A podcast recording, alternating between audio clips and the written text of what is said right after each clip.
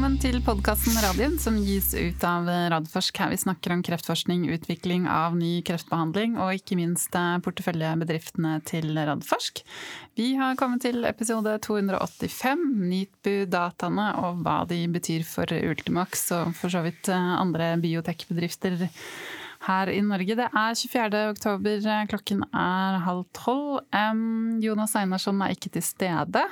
Men da er det ekstra hyggelig å ønske velkommen til deg, Geir Hiller Holom, fremdeles biotekanalytiker ved det.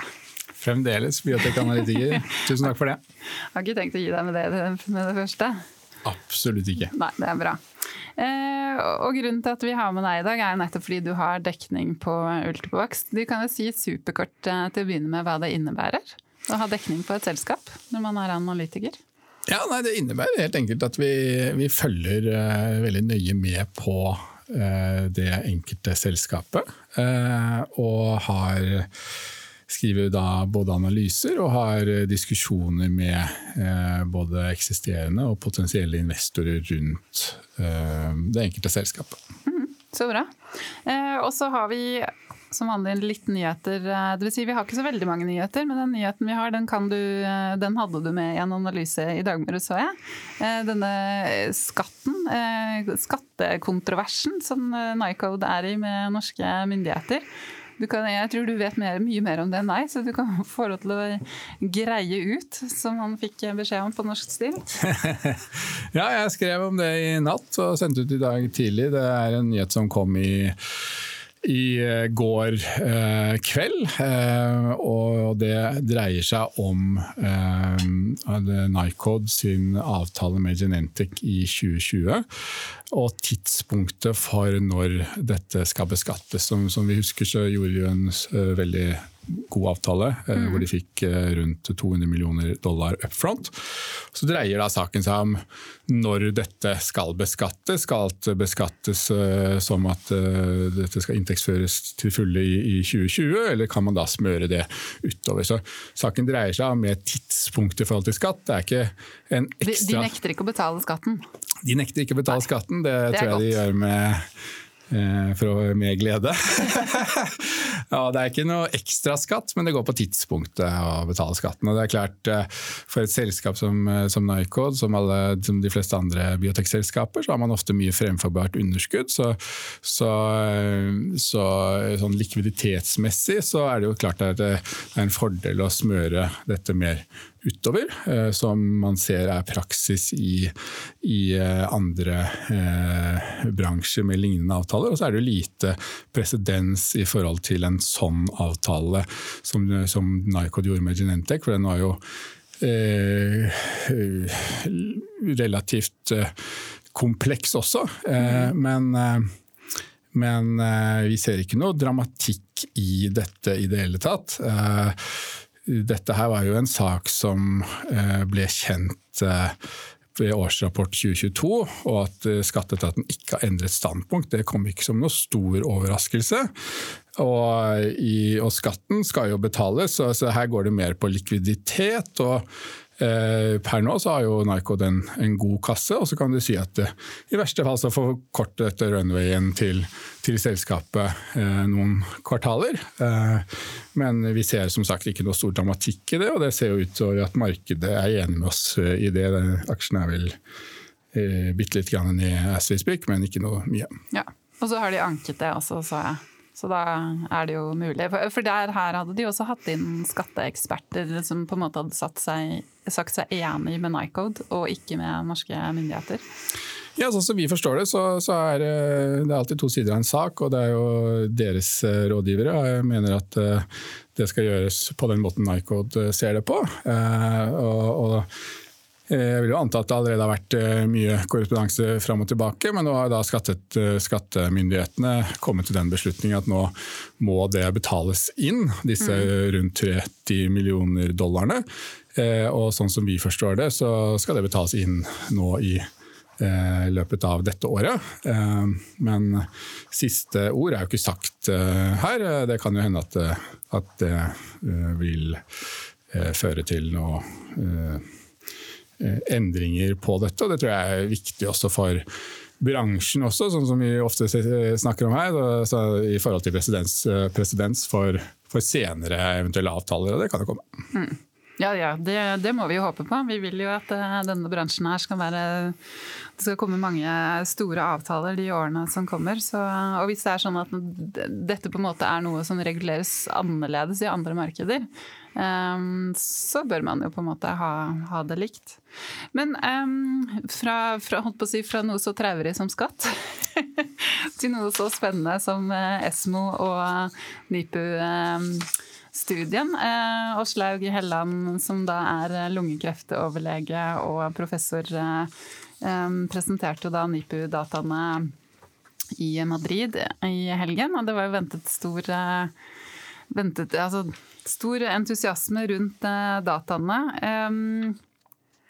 Ikke minst fordi de da bruker den eh, UV-vaksinen til eh, Ultimovax. Og det er første gang vi får da dataene fra en fase to-studie hvor den er eh, brukt i en randomisert studie. Vi kan jo godt kort gå gjennom studiedesignen, selv om det er sikkert mange som hørte, eller satt og så på eller hørte på webkasten til Ultimovax i går, men der var det litt dårlig teknikk. Det... Så det var det mye som eh, jeg følte Det følte var mye som ble sagt her som jeg ikke fikk med meg. og som ingen andre fikk med seg. Det følte jeg også, dessverre. Ja. Så det var, det var, litt spennende hva de egentlig, egentlig sa da. Men i hvert fall NIPU-studien veldig kort. Gått i mesoteliom, altså kreft i lungehinnen. Veldig vanskelig kreftform å behandle. Eh, og den har inkludert da 118 pasienter, ferdig innrullert i januar 2023. Og så har den vært en eventdrevet studie som man skulle da avlese etter 69 eventer. Eh, ganske likt design som i Nintune-studien, som da Ultimox eh, kjører selv i mangt melanom. Randomisert randomisert studie, det tror jeg vi var innom. Eh, der har man ipilimumab og nivolumab i den ene armen, og så er da UV1 lagt på i den andre armen. Og så har da studien, eh, som da er en forskerinitiert studie, det er veldig viktig å si, eh, gått i Australia, Norge, Sverige, Danmark og Spania. Og så har den gått i andre linje, dvs. Si på pasienter som først har fått standard kjemoterapi og ikke hatt noe særlig effekt. Kanskje vi skal stoppe der og snakke litt om det med at den har gått i andre linje. fordi det var vel en av de tingene som Åslaug ble utfordret eh, på på Esmo eh, da hun, eh, da hun presenterte tallene. Ja, det er jo sånn Når du presenterer på konferanser, så oppnevnes det sånne discussants. Og de skal jo påpeke relevante ting og, og, svakheter med studien, og Det er jo helt vanlig. Jeg har vært forsker selv, uten at jeg skal sammenligne meg selv med uh, Helland. Så, så det, det, har jeg opplevd selv, og, og sånn skal det være et, i en sånn akademisk uh, konferanse som, som SMO er. Um, men uh, jeg vil jo ikke si at denne discussanten tilførte noe, noe nytt i forhold til dette punktet. dette her er jo kjent stoff.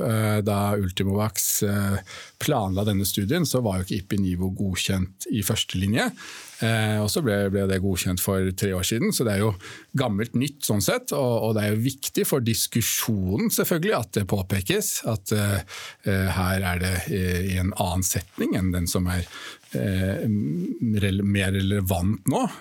Så det er jo en viktig tilleggsopplysning. Men, utover det så er jo ikke dette noe noe nytt, sånn sett. Men, men, det er klart det, her eh, Hadde det vært en registreringsstudie, så hadde det vært noe annet. Her leter man etter signaler for å, for å gå videre. Og, og, det er jo åpenbart at hvis de skulle gå videre med innen så vil det være i en førstelinjesetting, i hvert fall hvis vi skal kombinere med IPI-nivå-kombinasjonen. Mm.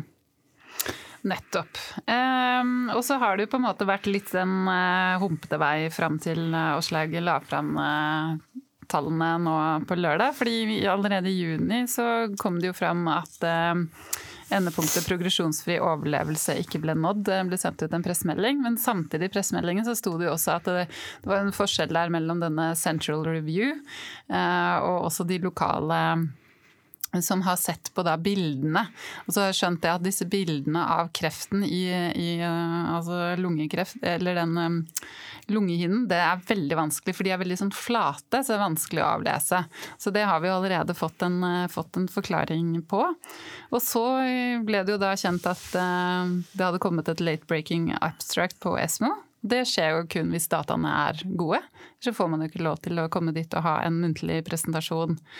Um, og så ble de Esmo-dataene plutselig publisert tirsdag kveld istedenfor torsdag. Det var jo også veldig pussig. Og så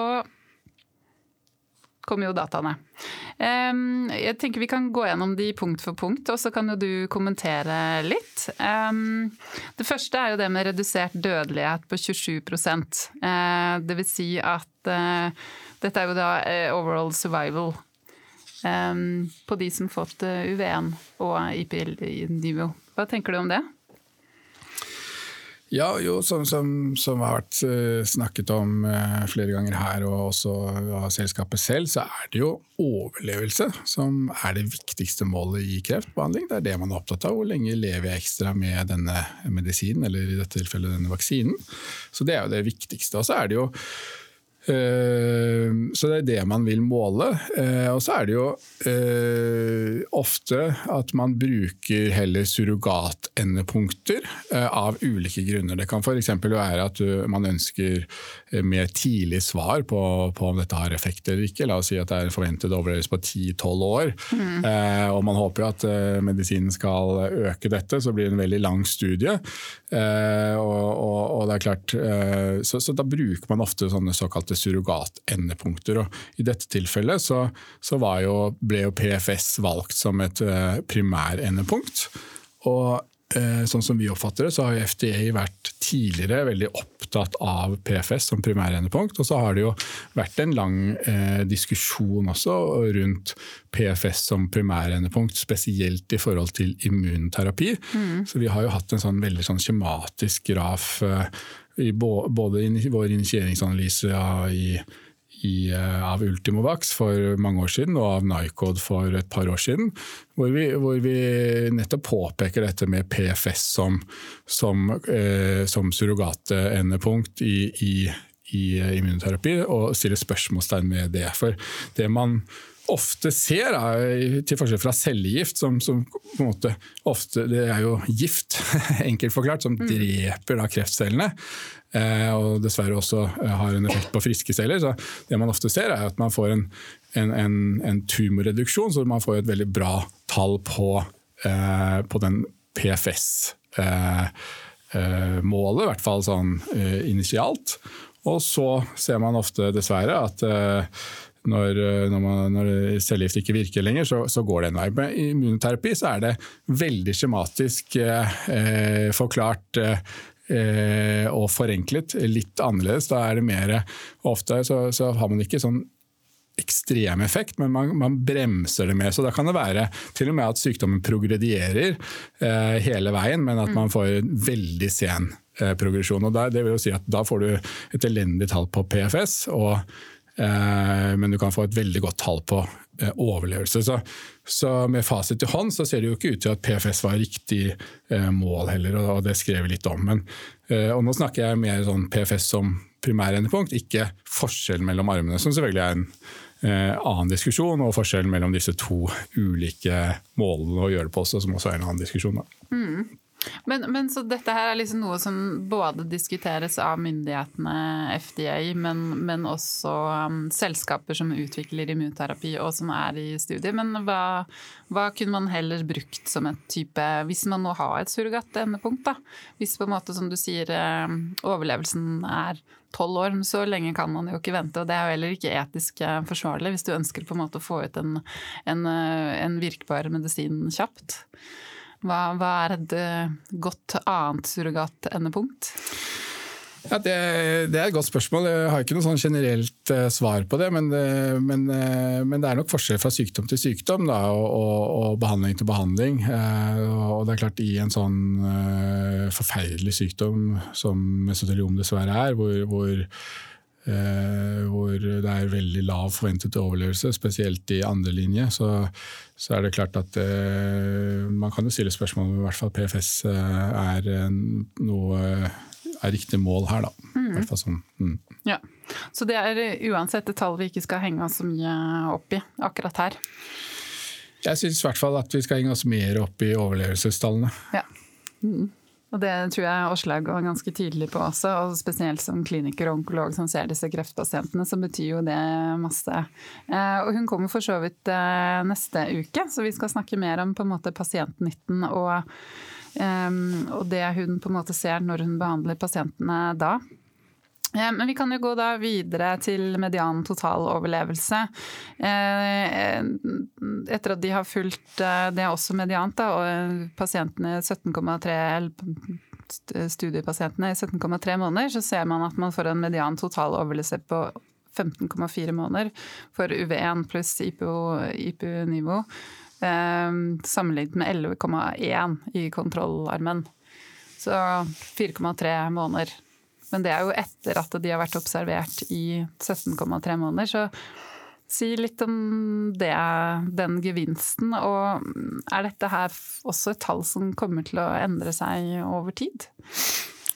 Ja, så jeg har først lyst til å si at Denne studien er jo satt opp uh, som en uh, fase to-studie, og ikke satt opp som en studie som potensielt skal uh, kunne føre til en godkjennelse av legemiddelet. Så, så det man i utgangspunktet eh, håper på, er jo at dette skal gi signaler og, og medisinsk eh, eh, eh encouragement, holdt jeg på å si på godt norsk. Eh, Forventning? Eh, ja, eller Signaler på effekt? signaler på effekt.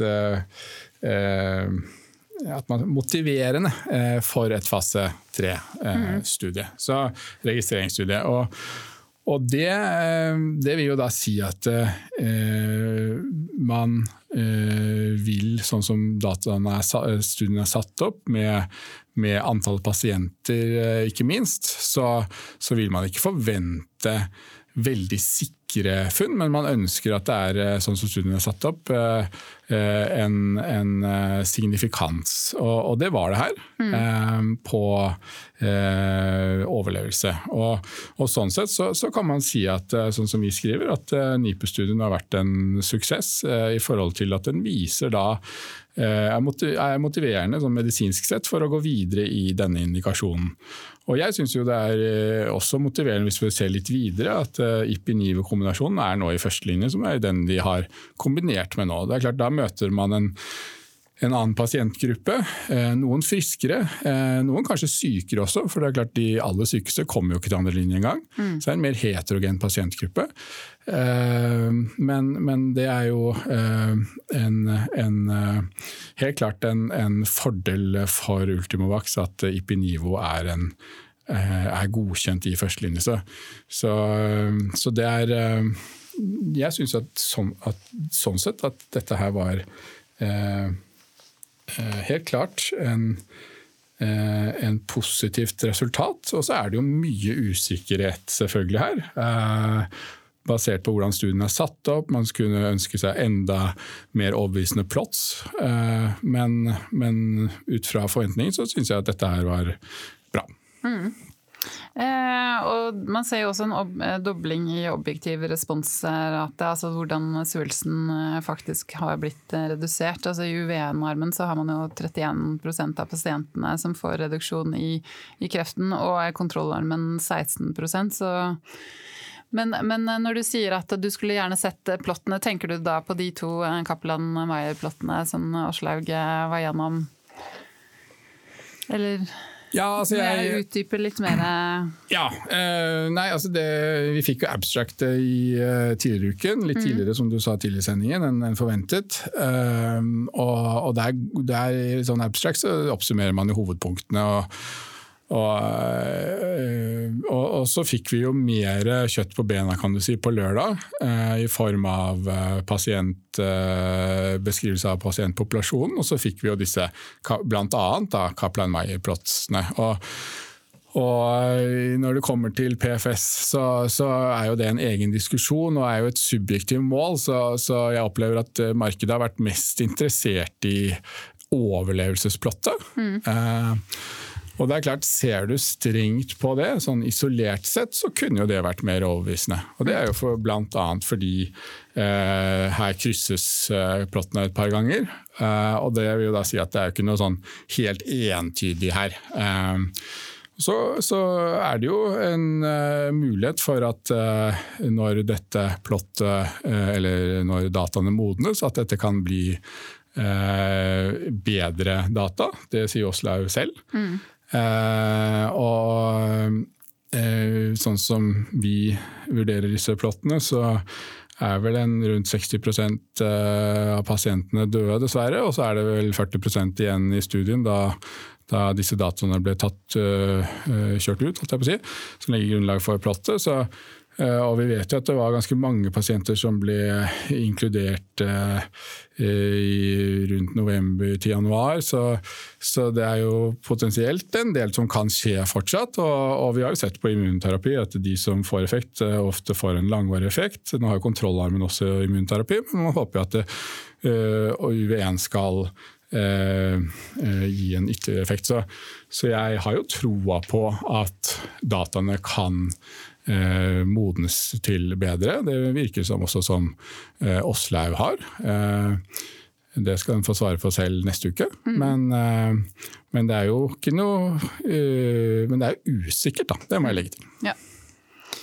Men det er bra. Men også var du innom det at du, uh, uavhengig av det du sier nå, sier at NIPUT-studien er en suksess. Altså, men hva legger man i en suksess?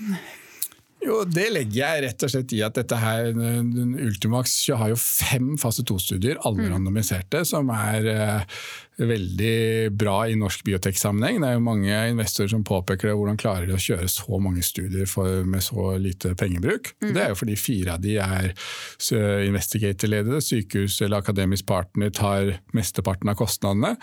Og Det er jo eh, veldig positivt. Baksiden av medaljen er jo at du kan ende opp med en del kreftformer som du kanskje ikke ville prioritert selv i første omgang. i hvert fall. Mm. Og eh, Som kanskje legene står litt i stampe med og ønsker å teste ut nye ting. Som, så Sånn sett så, så, hadde vi jo ikke altfor store forventninger til mesoteliom. Og da at man får signifikante overlevelsestall, igjen sånn som studien er satt opp, mm. med de begrensningene, men likevel, som da gir en motivasjon for å gå videre, det syns jeg er en suksess. da. Mm.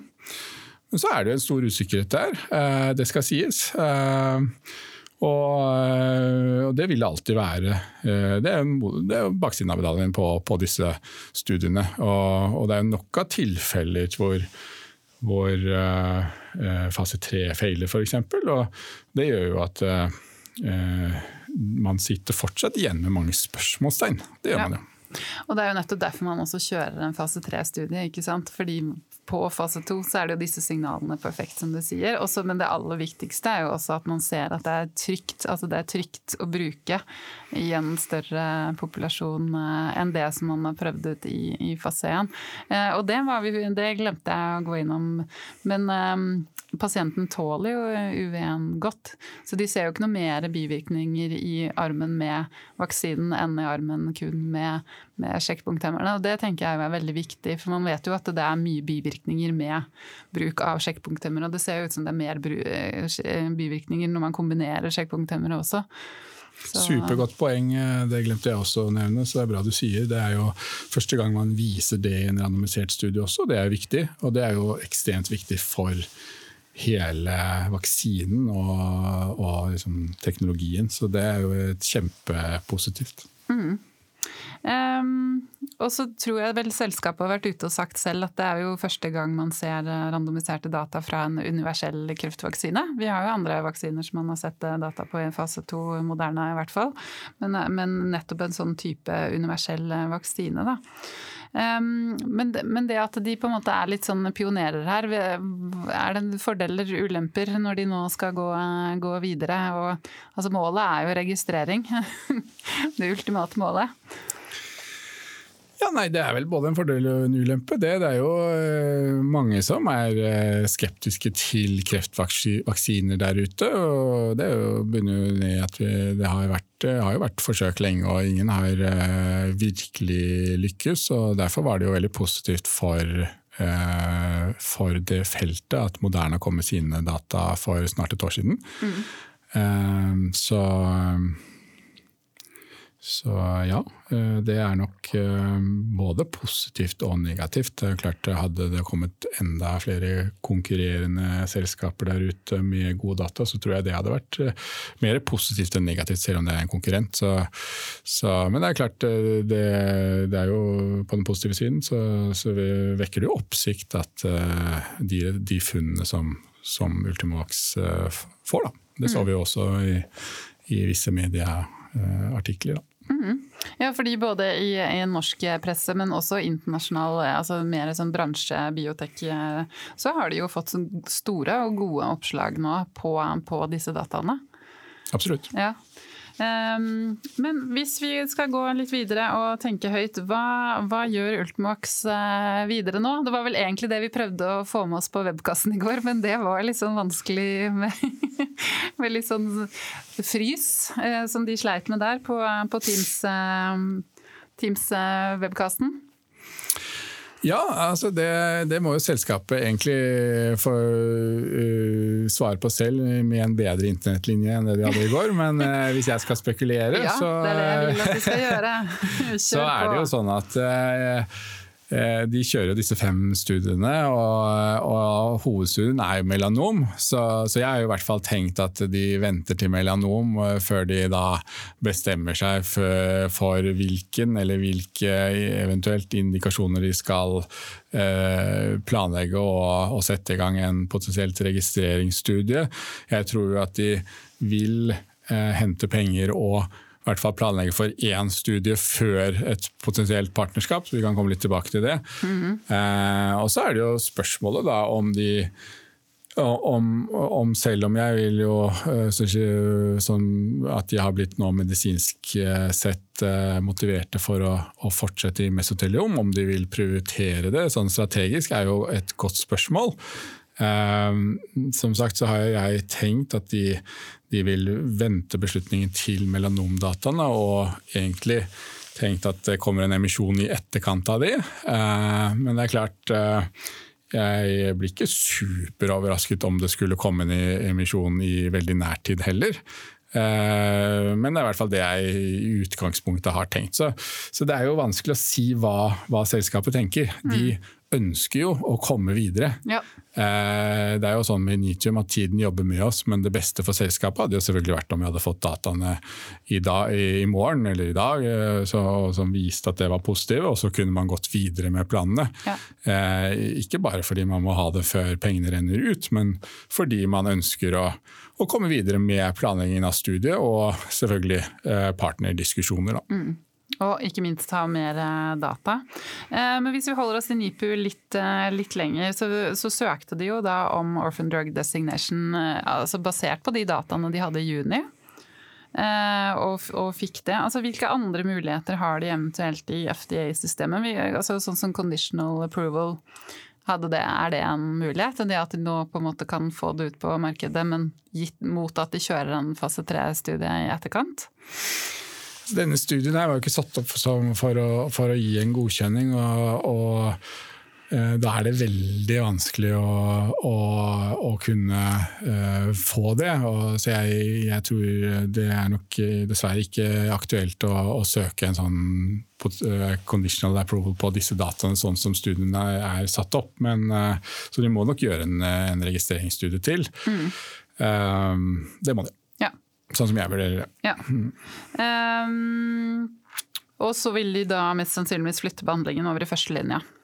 Tror du ja. ikke det? Ja, ja.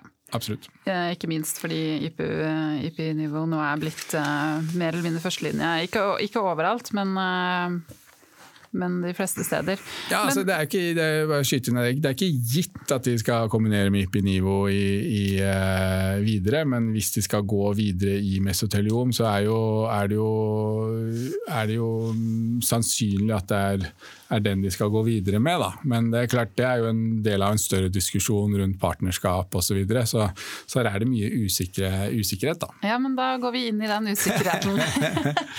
Hva mener du med det? Hvilke andre kombinasjoner kan man se for seg, og hvilke partnerskap tenker du på da? Ja, altså selskapet har jo vært i media og, og, og, også nylig og snakket om alle disse dialogene de har. Mm -hmm. um, og selskapet har jo også vært veldig åpne om at de ser for seg en, en partner som kan dra dette videre og potensielt brette dette ut og potensielt kjøre en masse studier på ulike indikasjoner. Mm. Jeg tror jo at igjen at selskapet vil allikevel planlegge for at de i hvert fall skal gjøre én registreringsstudie selv. Det er jo både fordi det er jo en usikkerhet om enten partnerskap materialiserer seg, og så er det jo også for at man ikke vil gå tom for penger mens man sitter og forhandler. Mm. Så er det jo sånn I forhold til hvilke partnere som er aktuelle, så tror jeg jo som selskap at mange kan være aktuelle. Eh, jeg tror jo at de mest aktuelle er jo de som har en checkpoint inhibitor. Jeg tror at det er, eh, selv om vaksinen har vært testet tidlig, tidlig i, i i monoterapi, så, det ser vi jo på Nycod også at det, at det er jo eh, særlig med inhibitor man, man, har mest tro på, på effekt. Så, så, sannsynligvis med en som har en checkpoint inhibitor, eh, eller eh, utvikler det. Mm. Eh, og så er det jo BMS som stikker seg litt ut, selvfølgelig, som kjenner selskapet godt. Man eh, kombinerer jo UV1 med Ipinivo i både melanom og mesoteliom. Og i begge indikasjoner så er det jo, eh, er jo ser vi jo at eh, i førstelinje så, så er de eh, medisinene der, sammen med riktignok andre også muligheter. Mm. Så, så, det er jo Ting tyder jo på altså, VMS stikker seg jo ut her. Eh, så, så, så, den er nok den mest aktuelle partneren, men, men, det er jo andre som eventuelt kunne vært interessert. Så, så BMS skal ikke være altfor komfortable her, men samtidig så, så, sitter de jo i en bra posisjon. Og, og jeg tror jo at de eh, i utgangspunktet i hvert fall ønsker å vente til de får melanomdataene før man uh, går videre. Og, og, og, vi har jo sett at det tar jo ofte tid før et uh, partnerskap materialiserer seg. Så, så, vi er optimistiske hvis melanom går sånn som, sånn som selskapet tror. men men det er jo en tar jo ofte litt tid. Mm. ting tar tid. Ting tar tid. og, det, må, det må ja. man som aksjonærer smøre seg med tålmodighet på. Men det er, det er jo en fin bro over til Initium-studien, da, som da er satt opp med samme studiedesign som mesoteliom-studien som vi har snakket om, snakket om nå. Um, og oppfattet jeg Carlos uh, CEO i Ultimax riktig i går om at eh, det kan komme en oppdatering på Q3-rapporteringen om hvordan diskusjonene med de regulatoriske myndighetene går i forhold til avlesning. For det var noe jeg tror jeg fikk med meg sånn innimellom eh, alle frysene. Ja, nei, jeg tror jeg fikk med det jeg også, med, med forbehold om at, uh, jeg hørte feil. så, så, det er klart at for, for selskapet igjen så, så, er det jo uh, viktig på flere måter så, og at man får en avklaring. Og det er ikke første gang at man, man, gjør tilsvarende øvelser som en plan B og åpner opp, opp dataene, men da er det jo klart det er viktig å ha en grundig dialog så man ikke ødelegger studien. Mm. Og eh, når Carlos sier det som han gjør, så fra et analytikerperspektiv, så, så kan man jo tenke seg at det ser ut til at, eh, at man kan eh, få en avklaring på dette i nærtid. Og, og det vil jo være positivt for selskapet at man vet at man kan åpne dataene mm. neste halvår. Mm. Og holde på det som man nå har guidet, men ikke minst som du sier, da, bare få innsyn i dataene. For de vet jo ingenting, de heller, i selskapene nå. Så, bortsett fra at det tar lang tid da, før, før det, det, skjer eventer, dvs. Si at noen dør. Så sånn sett så, som jeg snakket med Jens eh, Bjørheim og Espen Basmo Ellingsen om i Ultimax, så tyder det jo på at altså Pasientene lever jo, men de, hvilke armer de lever eh, lenge i, det, det vet man jo ingen om, ingenting om. Um, det, eh, det, jeg lurte på eh, litt også da i forhold til UV1, og de er en sånn universell eh, kreftvaksine. Må man kjøre en studie per indikasjon, sett at man på en måte, altså, I og med at den virker da med telomerase som er i 85-90 av, av kreftformer, så uh, jeg at uh, hvis man skal godkjennes i lungekreft, må man kjøre studie, registreringsstudie der. Mesoteliom, uh, malignt melanom, brystkreft. altså hvis vi Korte svaret, korte svaret er i utgangspunktet ja. ja. Eh, men eh, kan man se for seg at man ikke trenger det, eller at man kan ha færre pasienter eh, hvis du på en måte kommer inn på indikasjon 10, da? Jeg vet ikke, Åssen er dette med sjekkpunkthemmerne, som også virker i mange indikasjoner? Altså man kan jo nyte fordel av uh, gode data i, andre studier, f.eks. safety osv., men, uh, men utgangspunktet så, så jo, lever jo alle indikasjoner sitt, sitt, eget liv med sin egen standard ok, sitt eget konkurranselandskap, uh, sin egen tumorbiologi osv., selv om det selvfølgelig er mye likheter. Så, så i utgangspunktet så, så, så er, må det nok gjennom en registreringsstudie per indikasjon. Mm. Og det jeg også lurer litt da på i forhold til det med partnerskap. Man, kan man gjøre et partnerskap per indikasjon? Eller gjør man et partnerskap på UV1-kreftvaksinen? Det er jo sånn i, i, til forskjell fra Nycod, som, som er mer sånn platt enda mer plattform, så, så, kan den da eh, Den kan jo utlisensieres og, og deles opp eh, på og, og, eh, altså den Molekylet kan Eh, mer, er mer egnet for å eh, deles til ulike partnere. Eh, på, I Ultimax-tilfellet er det veldig forskjellig. Da er det én partner som må ta hele UV1-vaksinen på på godt og vondt. Eh, så det er klart, Ser du bort fra Tett-plattformen, så jo det, vil jo det være, hvis de inngår et partnerskap, den ene store avtalen selskapet gjør. Mm. Um, så, så, man kan ikke dele opp den på samme måte som man kan gjøre med Nycode sin. Men uh, man kan i teorien dele opp på geografier, men man kan ikke dele opp på indikasjoner og behandlingslinjer osv. Ja. Og det var vel det Algeta gjorde i sin tid med Bayer. Der delte de vel opp i en, var det Nord-Amerika, Europa og så resten? Du trekker på skuldrene. Jeg husker at de gjorde det, i hvert fall. Jeg husker ikke hvilke geografiske områder, i hvert fall. Um, men hva, hva, tenker du disse dataene betyr for uh, Ultimavax og så biotek, uh, de andre biotekselskapene i Norge? Det har jo vært, uh, hva skal man si for noe, litt sånn røft det siste året, halvannet? Nei, altså For, for Ultimovax eh, så er det jo klart at uh, medisinsk sett igjen så gir det motivasjon for å gjøre en uh, videre studie innen mesoteliom.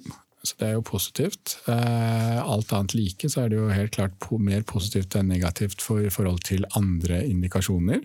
At Det funker, ser ut til å funke på én, er jo veldig positivt. Så skal man være alltid veldig forsiktig igjen med å um, si med sikkerhet at da må det virke den og den indikasjonen, men det er jo klart Uh, helt klart på den positive siden.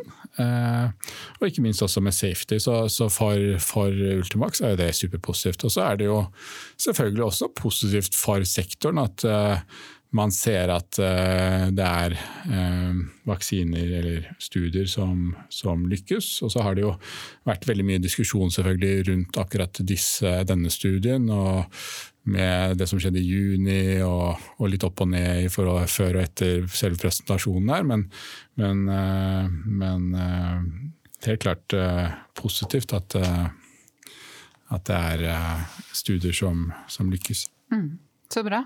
Du, vi har fått inn noen lytterspørsmål også, så vi må ta de før vi går inn for landing. Eh, vi har sikkert vært toucha bortom eh, noe av det, men vi kan stille de, og så ser vi om du har eventuelt eh, noe å utdype. Ser at Holum pratet litt rundt veien videre med fase 3-studiet og eventuelt behovet for kapital. Ultimorovax har selv sagt at det mest aktuelle vil være å samarbeide med partnere for videre utvikling. Hvem tenker han kan være aktuelle partnere kjøpere for å ta UV-en videre? Der har du jo nevnt eh, BMS, eh, eventuelt andre selskaper med sjekkpunkthemmere. Det vet ikke, Merker Keytruda Pembrolizumab er vel også en aktuell ja, den, den har de jo samarbeidet med før på, på single arm melanom og samarbeider med på Fokusstudien. Så mm. det er jo en aktuell partner. Og AstraZeneca, for eksempel, som de også samarbeider med. Så så det er flere som kan være aktuelle, eh, men det er klart eh, BMS stikker seg jo litt ut i forhold til, til liksom å se en, en, en, vei der for eh, å komme raskest mulig til, til markedet. Men, men, det er jo andre, andre veier også. Så, så, her er det jo flere som er aktuelle, men jeg holder jo mest knapp på, på BMS. da. Mm. Så bra. Eh, neste spørsmål går litt på eh, hvordan du har eh, tenkt. Én, hvorfor antok du prosentvis kursdireaksjon på NIPU feil i juni, men ingen antakelser om kurs på melding om suksess? Og to, dataene var som forventet, skriver du. Kan du spesifisere hva slags data du forventet, og hva hadde vært bedre slash dårligere enn forventet? Ja, altså vi øh, øh vi fikk jo en indikasjon fra Helland om at uh, det overlevelse så uh, viste en trend på den meldingen i juni. Og da, som du sa tidligere i sendingen, Elisabeth, så da man fikk en avklaring at de fikk lov å presentere på Esmo, så gikk jo kursen ganske mye. fra hvis jeg ikke husker feil, så var den vel rundt 80 og sluttet på dagen før abstractet på 111. Så, så markedet forventet jo eh, til dels eh, gode overlevelsesdata, og så viste det jo seg for å være signifikante, og, og det var jo en, en Eh, det var jo ikke gitt, da. Så, så det ga jo en, eh, en videre opp, opptur. Og så kjenner vi jo alle til eh, litt sånn diskusjon rundt liksom, eh, disse plottene som, som, kunne gitt mer confidence isolert sett. Eh, så Eh, nå vet jeg ikke om det svarte på spørsmålet. Jeg tenker du har svart på spørsmålet, ja. Um, og så er det spørsmål rundt dette med conditional approval, som jeg var så kort innom. Hva skal til for å få conditional approval i en indikasjon som lungehinnekreft? Og hva slags, eh, slags P-verdi, og vil P-verdi for NIPU kunne endre seg etter hvert som tiden går? Har vi tiden med oss eller mot oss? Ja, altså eh, Vi får vel alltid håpe at vi har tiden med oss. Det får vi jo håpe. Eh, Noe annet hadde vært tragisk. Så Det er jo det man håper på med immunterapi. Og så er jo kontrollarmen igjen også immunterapi, men, eh, men det er jo det man håper at, eh, og, og, tror på.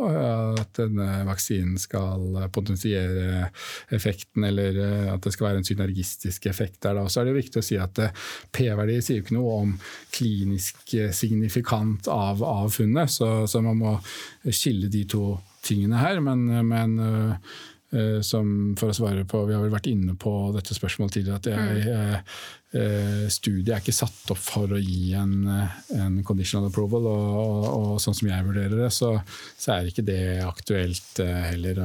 Det, det hadde vært for mye håp. Den er god.